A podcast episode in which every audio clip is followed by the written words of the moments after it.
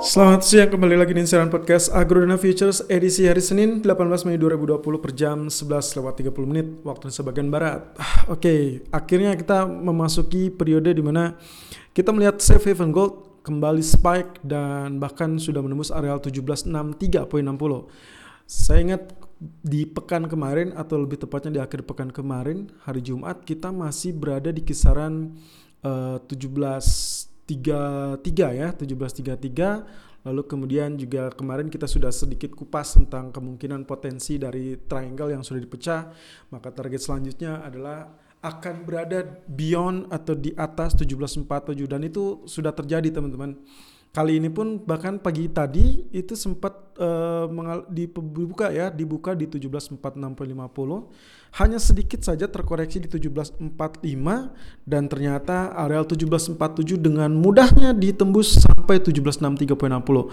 Di pagi hari sesi Asia, range market sudah bergerak sekitar nyaris 20 poin atau lebih tepatnya 18 poin dan kita akan melihat potensi ini apakah layak untuk di follow buy atau memang dia akan terkoreksi atau memang sudah saatnya turun?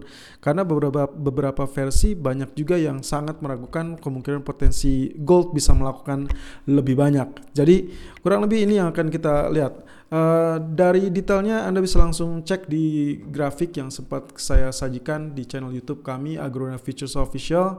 Di sana sudah beberapa grafik uh, forex ataupun gold. Dan seperti yang kita kupas, maka kemungkinan potensi ini akan kita lirik sebagai dua potential target di mana kalau Anda melihat sebagai outlook kecilnya, Anda akan melihat potensi yang kita sebut dengan symmetrical triangle. Tentunya kalau itu yang dilihat, maka kemungkinan potensi uptrend akan berada di kisaran uh, ketinggian dari flag tersebut. Tapi kalau misalkan Anda melihat secara keseluruhan di mana secara keseluruhan berarti kita melihat hal tersebut dari awal kenaikan di periode 1 April 2020 maka kemungkinan itu adalah ketinggian tiangnya dan triangle yang terjadi kemarin itu adalah sebagai flagnya jadi kemungkinan kalau misalkan kita bicara tentang flag maka target optimalnya adalah setinggi dari tiang pada bagian flag tersebut. Itu kurang lebih penjelasan saya dari gambar yang sempat saya share baru saja di channel YouTube kami Agrona Futures Official.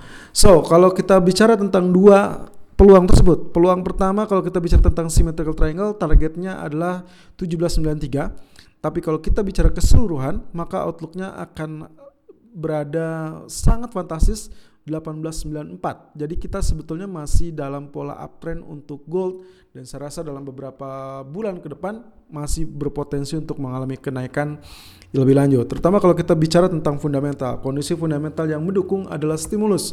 Lagi-lagi saya ingatkan kepada teman-teman stimulus yang ada ini adalah fondasi yang sangat-sangat bagus untuk uh, uptrend atau ke kenaikan dari gold jangan meragukan saat ada bicara tentang stimulus. Terutama Powell kemarin sudah mengatakan meskipun tidak ada negative rates atau let's say tertunda sementara waktu karena kita tidak tahu apa yang akan terjadi di berikutnya bisa saja berubah seperti kemarin maka kemungkinan potensi ini dilihatnya bukan suatu hal yang menyudahi uh, kenaikan gold karena Potensi selanjutnya yang dilirik adalah keyakinan dari Powell, keyakinan dari Fed bahwa mereka tidak menggunakan tools untuk negative rates, tapi mereka tetap mengerahkan segala tenaga, segala upaya untuk menstabilkan keadaan ekonomi, yaitu dengan cara stimulus.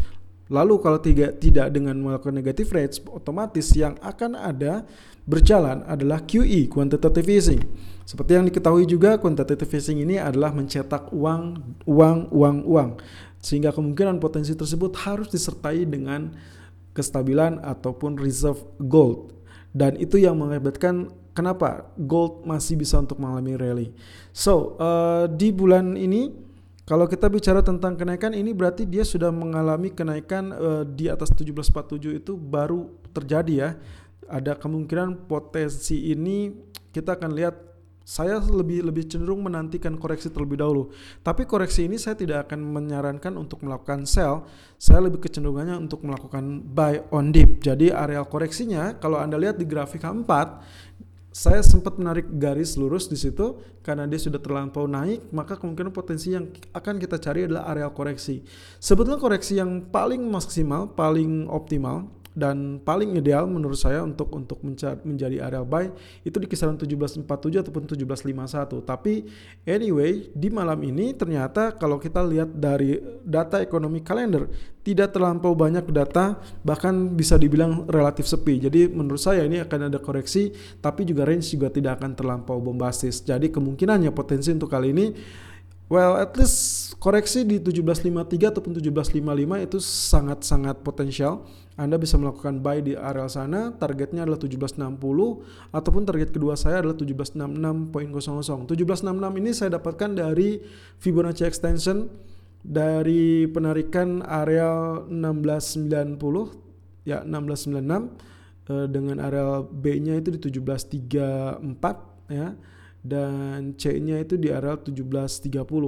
Jadi kemungkinan di situ saya mendapatkan Fibonacci expansion 100% di 1766. Well of course ini peluang untuk Anda melirik safe haven gold untuk kategori medium term atau bahkan long term. Selalu gunakan stop loss dan risk management sesuai dengan equity dan strategi trading Anda.